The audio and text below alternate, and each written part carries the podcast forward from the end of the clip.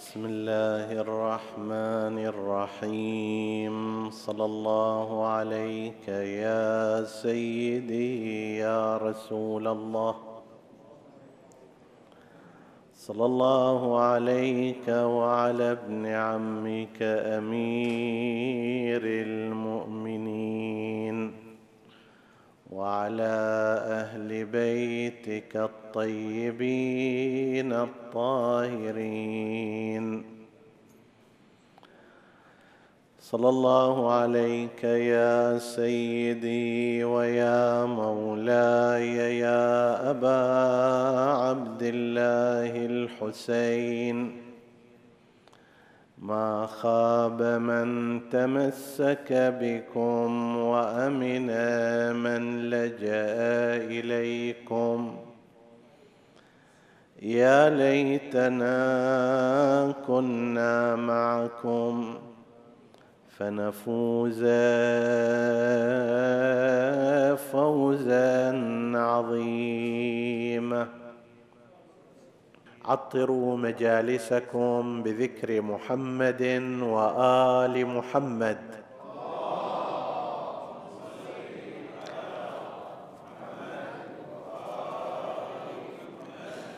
اللهم صل على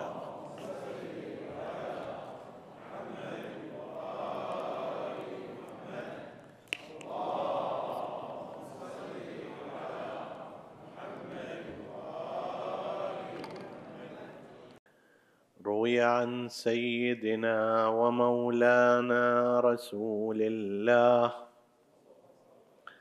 صلى الله عليه وآله أنه قال مكتوب على ساق العرش إن الحسين مصباح هدى وسفينة نجاة.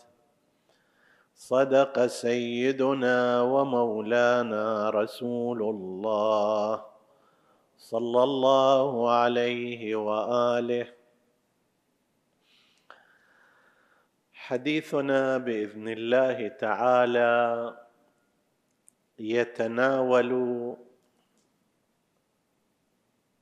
أول مواضيع النهضة الحسينية حيث ستكون الليالي القادمة في مجملها ترتبط بهذه النهضة المباركة. حديثنا هو بعنوان كيف غيبت النهضة الحسينية من ذاكرة المسلمين. في ثلاث مراحل نتحدث عنها على التوالي في هذه الليلة والليالي القادمة. كيف غيبت النهضة الحسينية من خلال تشويه مصادر الواقعة؟ كيف غيبت النهضة من خلال تشويه الأفكار التي ترتبط بنهضة الحسين؟ كيف غيبت نهضة الحسين ومأساته من خلال تغيير يوم المناسبة؟ أصل الموضوع في أننا نبحث قضية الحسين ونهضة الحسين وأخباره ومأساته. هو الوضع الطبيعي الذي لا بد أن يبحث في أيام عاشوراء أيام الحسين عليه السلام.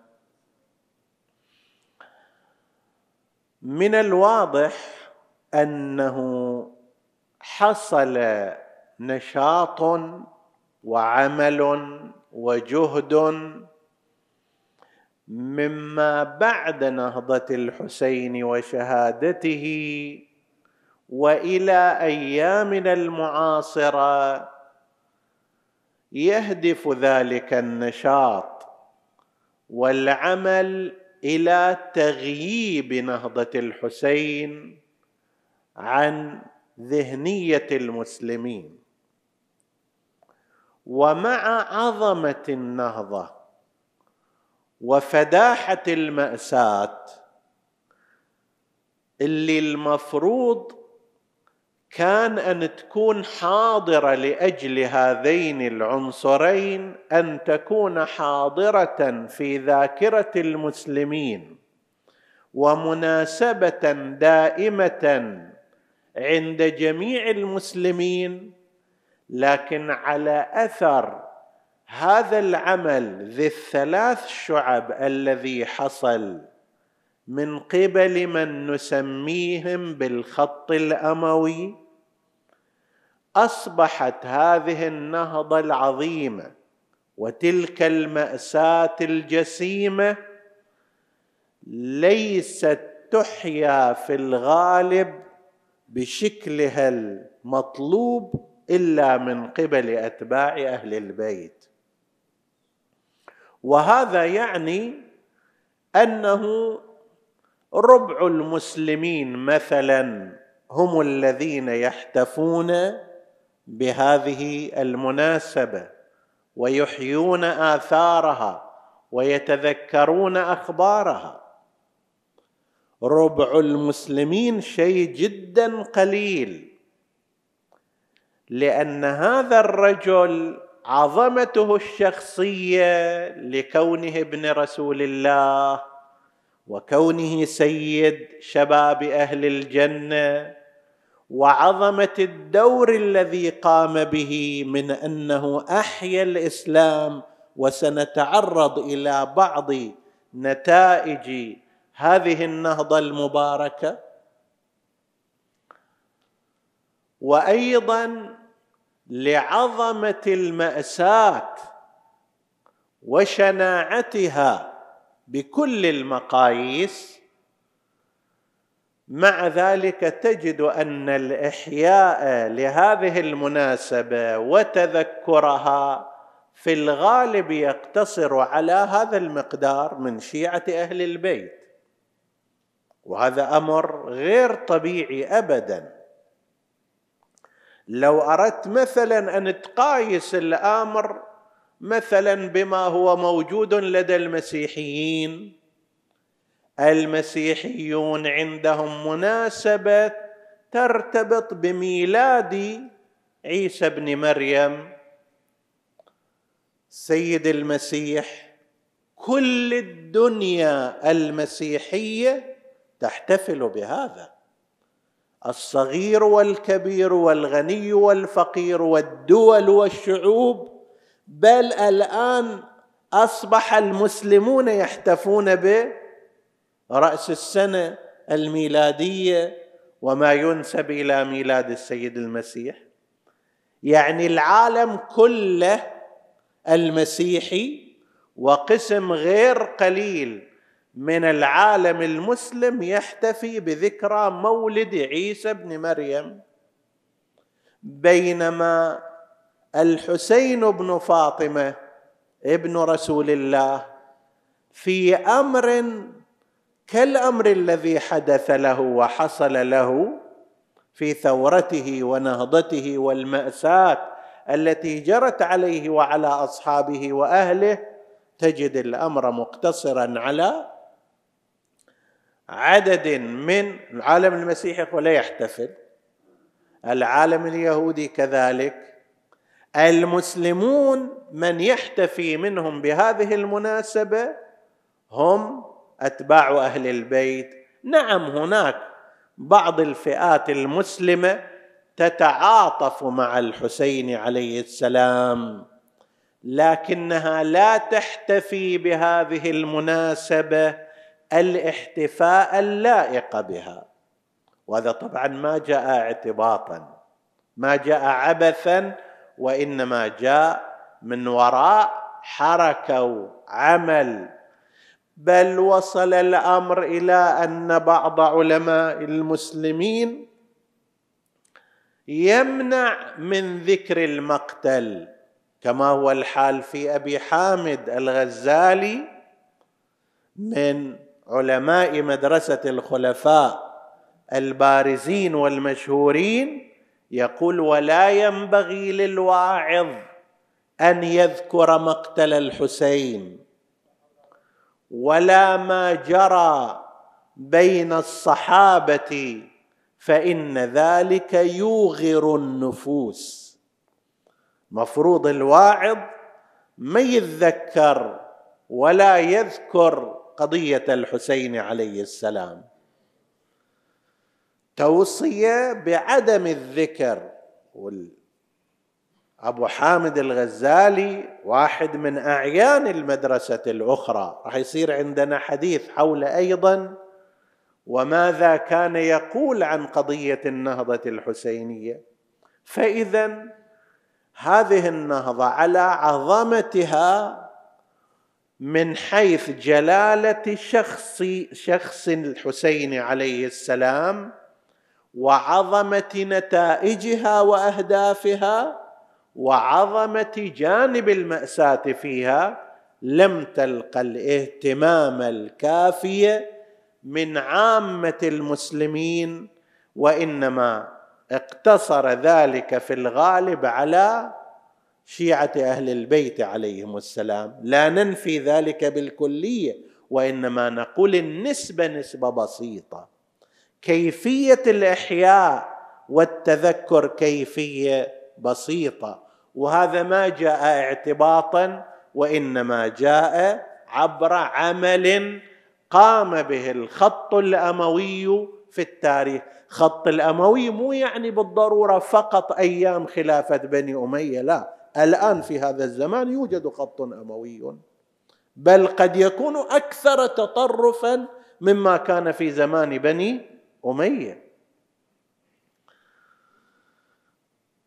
كما ذكرنا في ثلاث مراحل أو اتجاهات صار. أول شيء حصل تشويه للمصادر التي نقلت الحادثة. لو أن حادثة الحسين وقضاياه نقلت كما وقعت في التاريخ والمسلمون دونوها وصارت شائعة هذه الكتب ودرست كحلقة من حلقات التاريخ الإسلامي كما وقعت لتغير الأمر. لكن اللي صار ماذا؟ اولا المصادر التي هي أقرب إلى الحقيقة أتلفت. المصادر الأبعد عن الحقيقة اعتمدت باعتبارها هي المصادر الأصلية. الموضوع فيه مباحث تخصصية نحن لا نذهب وراءها وإنما نحاول فقط الاستشهاد. من أقدم وأوثق المقاتل التي دونت قضية الحسين عليه السلام هو مقتل أبي مخنف لوط الأزدي. أبو مخنف مخنف خنف يعني ميلان في الأنف. إذا واحد أنفه صار مائل يقال له فيه خنف في أنفه. إذا صار رجله مقوسة يقال حنف رجله. الاحنف بن قيس لأن رجله كانت مقوسة؟ هذا أبو مخنف لأنه كان في أنفه انحراف. وقد ينتج هذا مثلا أن ظهور الكلام عنده ما يكون كلام صريح وواضح. هذا الرجل توفي سنة 157 هجرية يعني بعد شهادة الإمام الصادق عليه السلام بحوالي عشر سنوات. ولذلك يعد من أصحاب الإمام الصادق بمعنى من معاصري الإمام الصادق عليه السلام. وكان متبحرا في التاريخ وثقة ضابطا عنده ستون كتابا حول قضايا التاريخ الإسلامي واقعة كربلاء واقعة صفين واقعة الجمل واقعة النهروان بعض مغازي رسول الله صلى الله عليه وآله. ثبت وعد أنه شيخ أخباري أهل الكوفة يعني شيخ المؤرخين.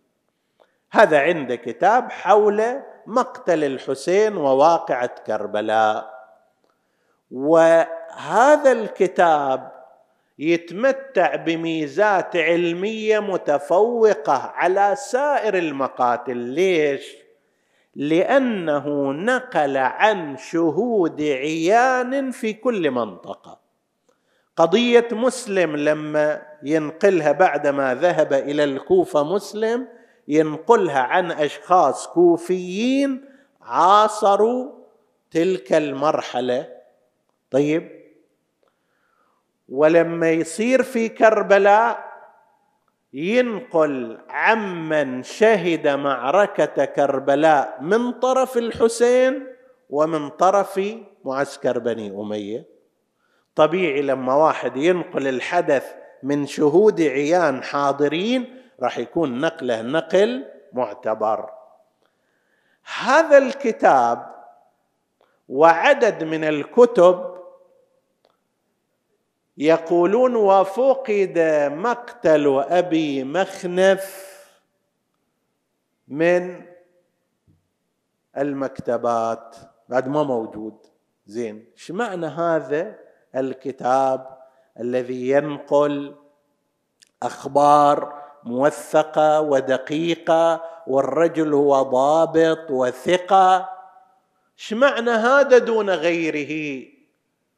هالكتاب يفقد؟ الجواب أنه بالتتبع تبين أن هناك مجموعة من الكتب هذه الكتب كان فيها أمور لا لم تكن السلطات ترضى عنها فتبدأ تجمع هذه النسخ وتتلفها حتى لو كان عندك أنت بمبالغ طائلة واحد يجي يشتري عندك ثم يتلفه. وهكذا الجيل الثاني يجي ما يحصل هذا ولا سيما في تلك الأزمنة. ما كان مثل الآن مثلا من الكتاب واحد ينطبع خمسة آلاف وعشرة آلاف كتب خطية أنت تريد نسخة انسخها إلى روحك وهكذا. فهذا الكتاب راح. بقي منه شيء وهو ما نقله المؤرخ الطبري محمد ابن جرير الطبري هذا مفسر كبير من مدرسة الخلفاء وصاحب مذهب أيضا. يعرف بأنه صاحب مذهب ويقول أنا مو أقل لا من أحمد بن حنبل ولا من الشافعي ولا من أبي حنيفة. أنا عندي أشياء ليست عندهم. وكلامه في محله. عند تاريخ الرسل والملوك شيء كبير جدا. عند تفسير شيء كبير جدا. عند في الفقه شيء كبير جدا. طيب. وهو من غير الإمامية. لكنه كان ينصف ولذلك اتهم بالتشيع. يعني مثلا أحاديث في فضل أمير المؤمنين عليه السلام ينظر إليها بحسب اسانيدها متى صحت يوردها ما عنده حاله أنه هذا فيه مدح لعلي بن أبي طالب خليني أوخره. ولأجل هذا اتهم بالتشيع وهو ليس شيعيا ليس شيعيا ابدا. توفي سنة 310 هجرية.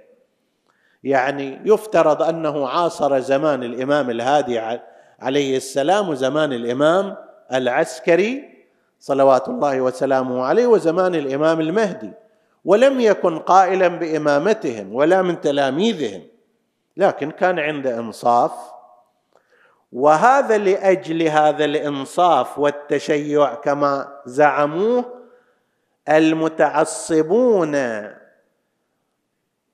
كانوا يهاجمونه ورموه بالأحجار في بيته يرجمونه بالأحجار إلى حد أنه مات وقد أغلق الباب ما يطلع بعد خلاص فرض على نفسه حظر اجتماعي وتباعد ولم يخرج من بيته إلى أن توفي ولما توفي لم يدفن إلا ليلا خوفا من هجوم هذه الفرق المتعصبة هذا مذكور في تاريخه.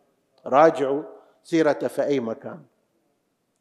هذا سوى شيء طيب وهو أنه عثر على نسخة من مقتل أبي مخنف هذا الذي قلناه ونقل منها حوالي سبعين رواية حول كربلاء وما جرى فيها.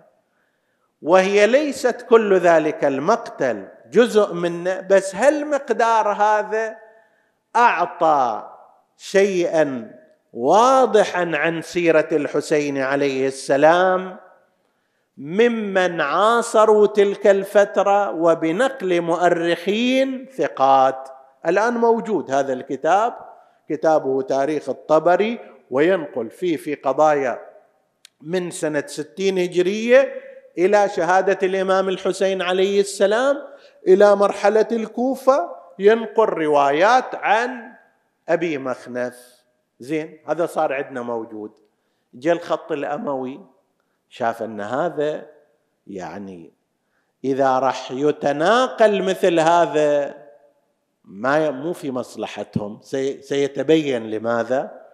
فراحوا وراء كتاب آخر ألفه رجل يقال له محمد ابن سعد البغدادي معروف بابن سعد صاحب الطبقات.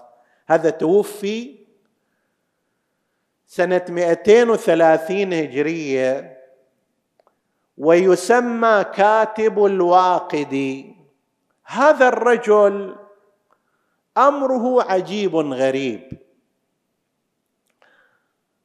السبب في ذلك أنه لما اجى إلى قضية كربلاء وعنده هو كتاب الطبقات الكبرى في بيان أحوال وتراجم صحابة رسول الله صلى الله عليه وآله فلما يمر على قضية الإمام الحسين عليه السلام من الطبيعي أن يذكر سيرته وحياته ومقتله. فجاء هذا الرجل اولا لم يعتمد على رواة شهدوا الحادثة. هكذا مثل لو الآن أنا على سبيل المثال أتحدث عن حدث صار في أمريكا وأنا ما عندي واحد شاهد عيان ينقل إلي. هل سيكون نقلي نقلا دقيقا؟ فظل يجمع منا ومنك ويستبعد الأحاديث والروايات اللي يراها قاسية وغير ذلك ولا سيما في تلك الفترة اللي كان في زمان العباسيين وهو مرتبط بالعباسيين أيضا. لأن يقولون هو أجداده من موالي العباسيين. فمن الطبيعي في ذلك الوقت اللي مثل زمان المتوكل وما قبل زمان المتوكل يعني بدءا من الحقبة حقبة الصعبة هارون الرشيد وما بعده. طيب من الطبيعي أن لا يكتب أشياء فيها إنصاف لأهل البيت عليهم السلام لأن التوجه العام للعباسيين كان توجها سيئا. فهذا اجى وقام ينقل أخبار بلا شهود عيان بلا مصادر وبعض الأخبار لا أصل لها. هل أورد لكم بعض ما ذكروا في شأنه؟ بعض الأمور اللي مسلم أنها كذب مسلم أنها غير صحيحة بس دونها هذا. مثلا أنه من الذي دفن الحسين عليه السلام؟ الرأي المعروف ينقسم إلى جهتين. جهة تقول أنه على كل حال دفن الإمام بعد ثلاثة أيام من مقتله بين قول أن الإمام السجاد رجع وبين قول أن بني أسد هم الذين دفنوه. هو اجى اجى برأي آخر أصلا. قال الحسين بعدما قتل اجى غلام زهير بن القين دفن زهير وبعدين شال الحسين ودفنه أيضا في حفرته وانتهت القضية. من وين جبت هذا الكلام؟ من أي مصدر؟ لم يقل به أحد قبله أصلا ولا حتى بنو أمية قالوا ذلك. بس دون هكذا وقال غلام زهير بن القين الذي دفن مولاه زهير أيضا دفن الحسين عليه السلام في حفرة بجنبه. زين هذا ما إلى مصدر ما إلى صحة أصلا. وهذا ينبيك عن مقدار الافتعال اللي صار. طبعا لما يقول هالشكل بعد سالفة أنه رد بالخيل وأنه بقي ثلاثة أيام وأنه كذا وكذا كل هذا الحكي ما إلى معنى.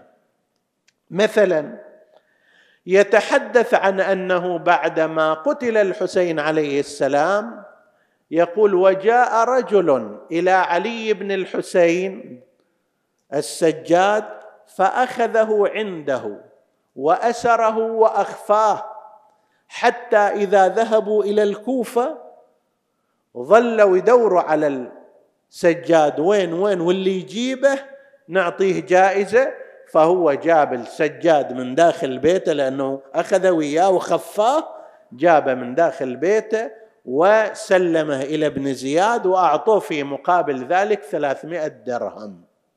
وفي هذه قباحة وشناعة إلى ما لا نهاية. أولا يريد يبين لك أنه وش قد قيمة البشارة مالت العثور على الإمام السجاد. ثانيا طول هالمدة وين كان الإمام السجاد؟ من الذي كان يدير بعد الإمام الحسين عليه السلام هذا الركب كيف ارتحلوا؟ من ذاك الوقت ما شافه لم يتحدث أحد قبل هذا الرجل بمثل هذا الكلام. وأيضا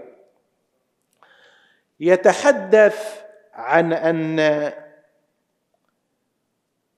المختار أن مروان بن الحكم اجى إلى السجاد. وقال له ترى والدك الحسين طلب مني أربعة آلاف دينار. استعطاني قال لي أعطيني أربعة آلاف دينار وأنا ذاك الوقت ما كان عندي حتى أعطيه فالآن موجود عندي تفضل أخذها. فقبلها منه السجاد. الكذب الصريح الذي لا بالذات مروان كان في غاية العداء للإمام الحسين والإمام الحسين نفسه كذلك. والشخص اللي قال إلى الوليد ابن عتبة إن فاتك الرجل لم تلق إلا غباره أوثقه كتافا فإن بايع وإلا فاقطع عنقه هو مروان. طيب الإمام الحسين يقول له يا ابن الزرقاء أنت تقتلني أم هو؟ كذبت. ولا أمت أنت أقل من أن تقوم به. هذا الموقف اللي بينهم هالشكل وأمثاله. يجي الحسين يقول له تعال أعطيني أربعة آلاف دينار. ثم مروان ما كان معروف لا بالغنى ولا بالجود حتى الحسين يروح وراه. والحسين كان يباري الريح سخاء وكرما. طيب بس خب هذا بعد موجود في كتاب مثل هالرجل وأمثاله. يتحدث عن أن أبا جعفر الباقر كان يصلي خلف بني أمية دائما وبدون تقية أيضا. وهذا عين الكذب. طيب وأمثال هذا كثير عنده. زين هذا الكاتب صاحب الطبقات هو الذي جعل بعدما استبعد مقتل أبي مخنف اللي ذكرنا أنه معتمد على شهود عيان وعلى أشخاص كانوا حتى بعضهم مثلا من ضمن شهود العيان عقبة ابن سمعان مولى الرباب خادم الرباب زوجة الحسين عليه السلام كان موجود في المعركة ونقل أحداثها بدقة وهذا نقلها عنه. هذا واحد من شهود العيان. هذا ترك الكتاب أبعد هالكتاب هذا ضيع أتلف لصالح كتاب منه محمد ابن سعد البغدادي الذي ذكرنا هالشكل أحواله وأكثر من هذا بكثير. هذا اجى فتلقفه من نسميهم الخط الأموي في التاريخ. اجى علي بن عساكر الدمشقي معروف بابن عساكر عنده كتاب مفصل اسمه تاريخ دمشق مطبوع وموجود الآن. طبعا هذه الكتب تبقى يحافظ عليها تطبع مرات تحظى بدعم الحكومات حكومة بعد حكومة. لكن مثل كتاب أبي مخنف اللي فيه حقائق المأساة الحسينية لازم يتلف ويضيع. فهذا لما اجى زاد في الطنبور نغمة كما يقولون. إذا ذاك محمد ابن سعد شق شوية هذا شق الثوب بالكامل. فبدأ يفتعل أخبارا ذهن ذاك محمد ابن سعد ما وصل اليها مثلا يقول لك وكان الحسين والحسن له في كل سنة زيارة إلى دمشق لمعاوية يستعطونه ويرفدهم بالمال.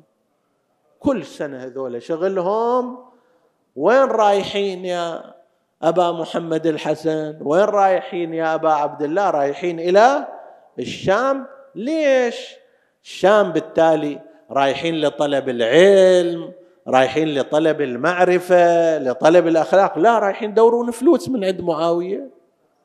وذاك أيضا هم ما يقصر فيهم ما يقصر معهم مع أنه لم ينقل في مصدر معتبر أن الامامه الحسن أو الإمام الحسين عليه السلام ذهب إلى ذهبا إلى دمشق ولا مرة واحدة. هذا يقول لا كل سنة يعني من صار معاوية على الحكم سنة أربعين إلى أن إلى أن استشهد الإمام الحسن يعني عشر مرات إذا كل سنة. وأما الحسين إلى أن استشهد لازم يصير عشرين مرة رايح إلى ذلك المكان. طيب. وغير هذا يذكر أيضا أنه ولعله من أوائل من ذكر إن لم يكن الأول أن الحسين شارك في الجيش الذي أعده معاوية وجعل يزيد عليه قائدا لفتح القسطنطينية اسطنبول الحالية. يقول لك الحسين راح جندي من الجنود والقائد مالهم يزيد ابن معاوية. مع أن أصل القضية غير ثابت أنه كان قائدا لجيش وذكرنا في مكان آخر أن هذا لا يتمتع بأي مصداقية تاريخية. هذا مو يقول أصل الجيش صحيح لا يقول أيضا الحسين راح كجندي والقائد مالهم يزيد ابن معاوية.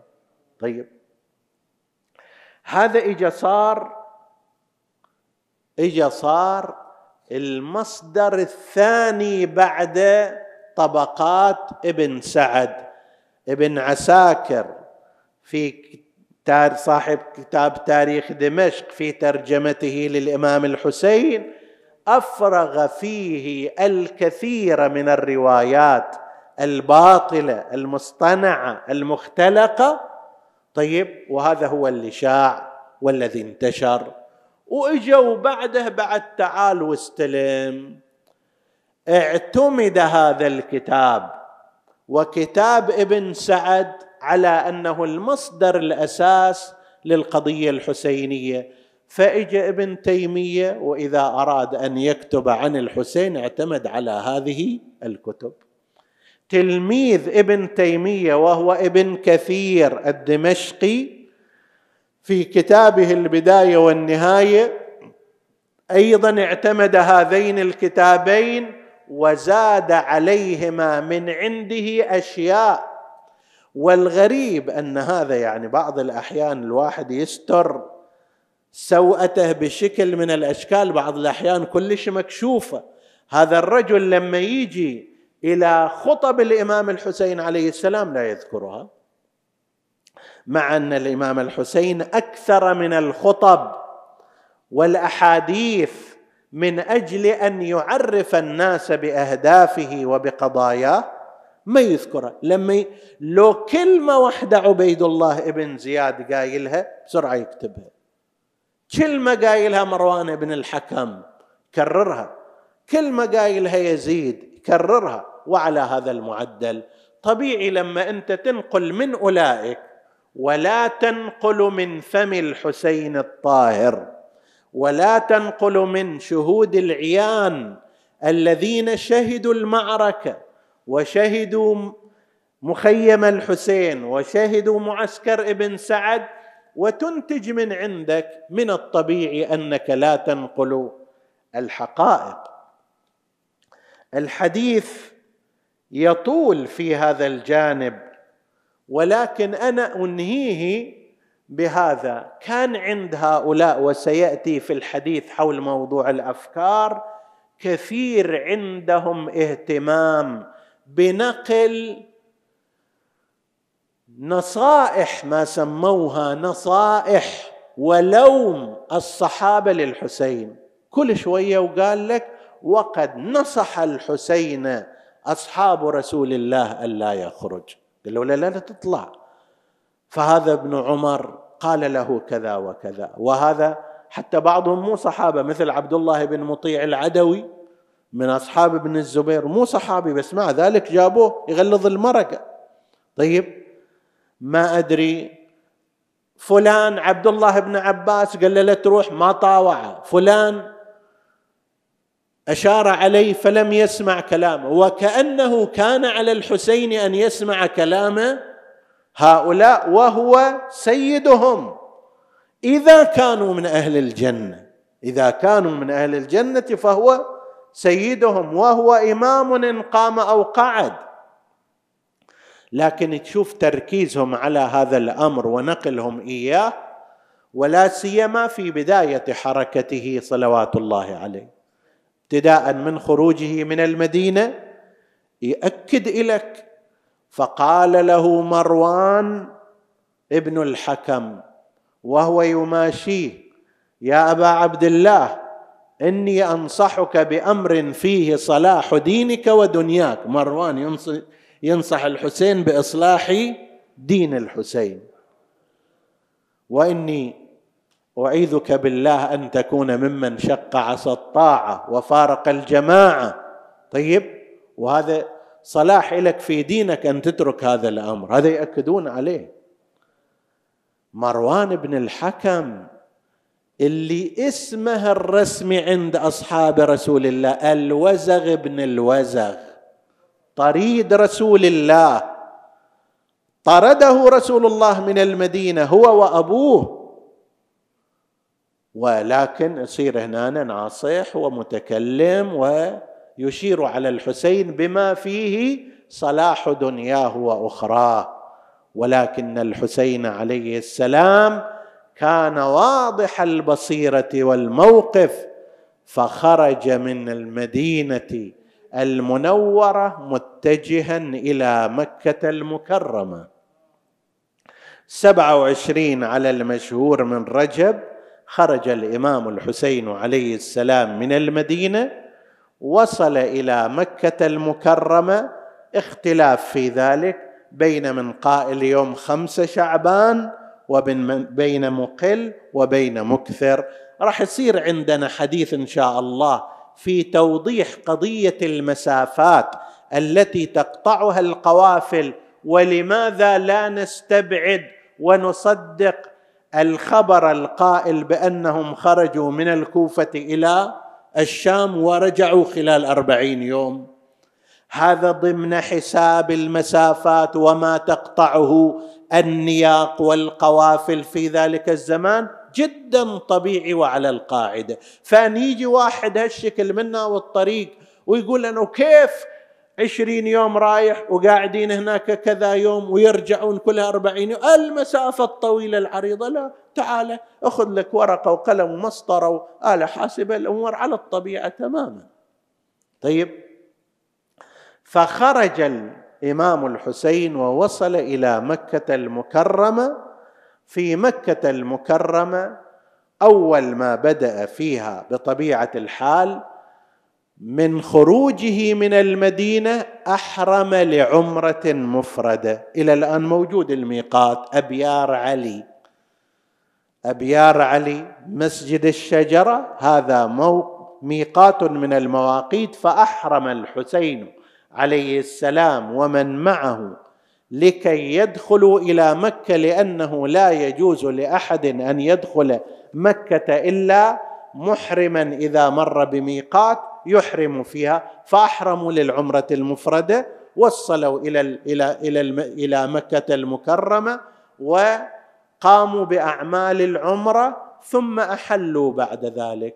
ولهذا لا حاجة للقول ولا صحة لما يقال من أن الحسين كان محرما لحج التمتع ثم أحل من إحرامه. هذا لا يؤيده التاريخ ولا تقره الروايات المعتبرة الواردة عن الإمام الصادق عليه السلام.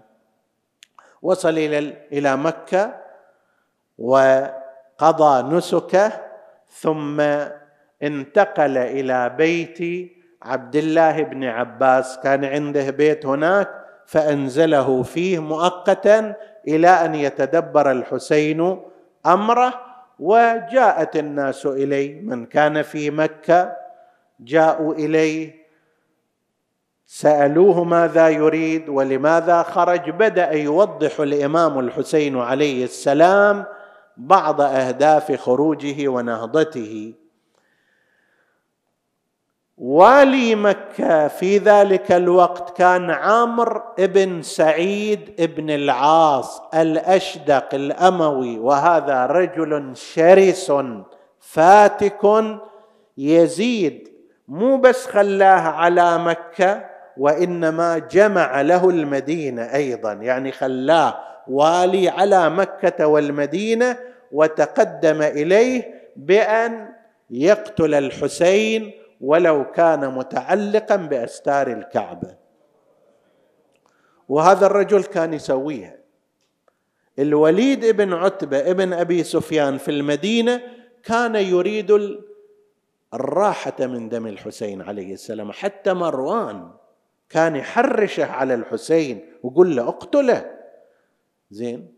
طبعا مروان له أغراض في قوله هذا لأنه هو كان عينه على الخلاف على الولاية ولاية المدينة وكان ملعبين طول هالمدة ثلاث أربع مرات خلال هالسنوات مرة يخلوه مرة يعزلوه مرة يخلوه مرة يعزلوه.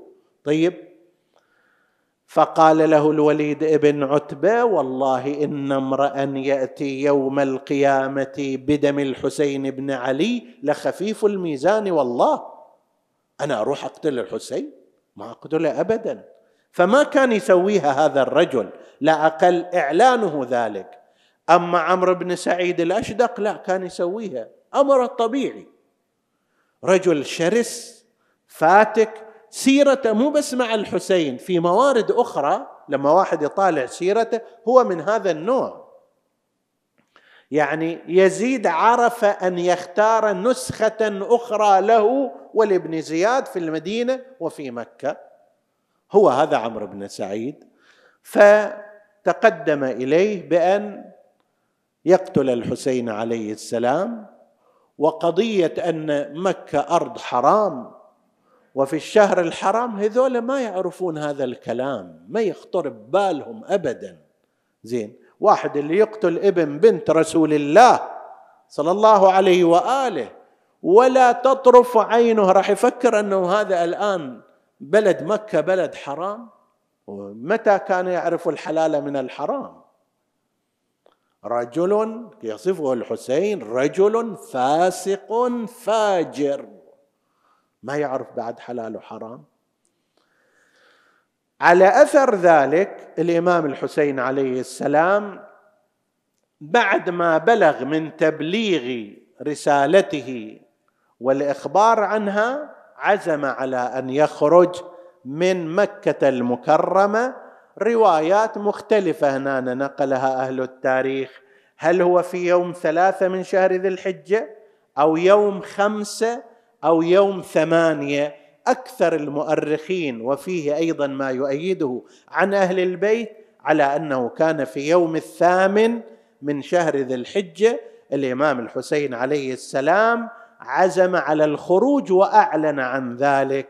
في مرحلتين مرحلة خلى اهله وانصاره يتجهزوا للخروج والأمر الآخر أعلن ذلك أمام الحجيج عند الكعبة المشرفة عندما خطب عليهم تلك الخطبة المعروفة جاء والناس مجتمعون اليوم الثامن عادة في تلك الأزمنة في اليوم الثامن يخرج الناس باتجاه منى ثم باتجاه عرفات.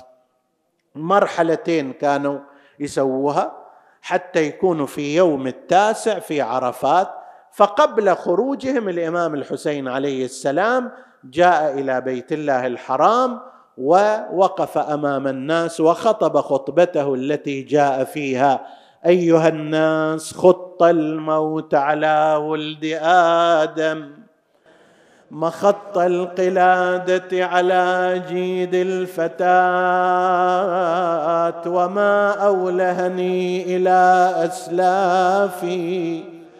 اشتياق يعقوب إلى يوسف.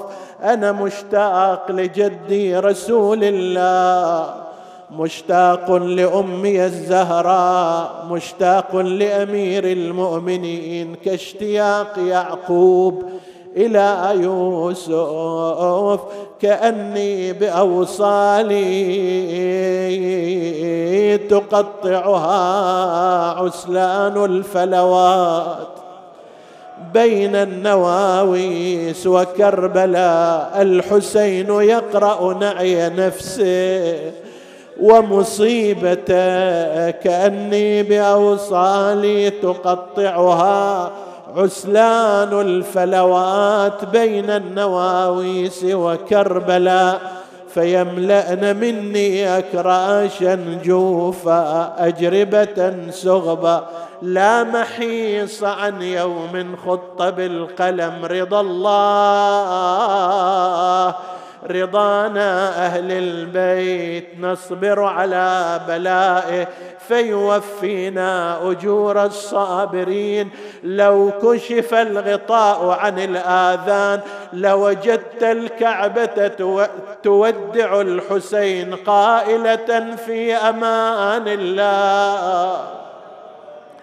في دعة الله يا ابن رسول الله لودعه الحل والحرام والبيت والمقام رجع إلى مضاربه إلى منزله أمر بأن تشد الرحائل.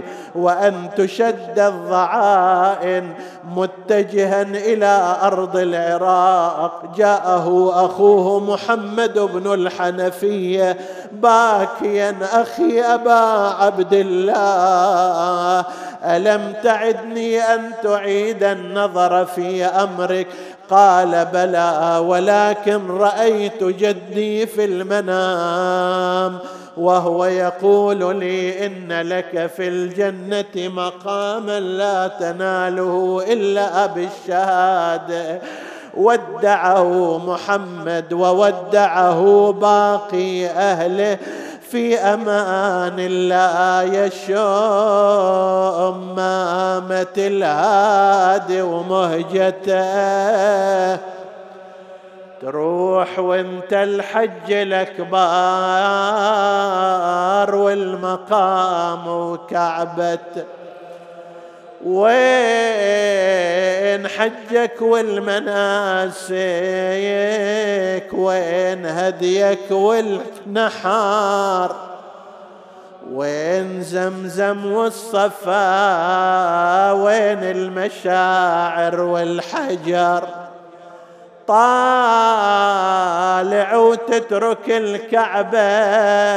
يا ما تقلش هالعذر راد يتكلم أبو سكنة وهلت دمعته أنا هالسنة عيدي وحجي تعين بأرض الطفوف.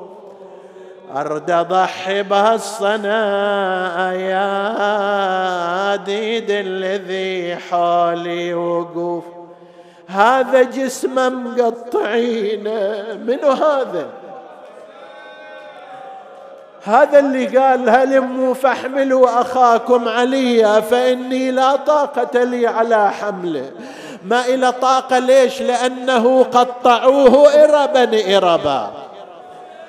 هذا جسمه مقطعين يا وذاك مقطوع الشفوف هذا ما يهنى بساعة بين عرسه وذبحته. ولو تشوف شلون هرويل من يناديني شباب أبتدي بالتلبية والنوح ما بين الأطناب. نوب صوب المشرعة يا وانظر قمر عدنان غاب نوب وسط المعركة يا للولد أرفع جثته عباس هذه جيوش الشرك قد زحفت. نسألك اللهم وندعوك باسمك العظيم الأعظم الأعز الأجل الأكرم يا الله. اغفر لنا ذنوبنا كفر عنا سيئاتنا آمنا في أوطاننا لا تسلط علينا.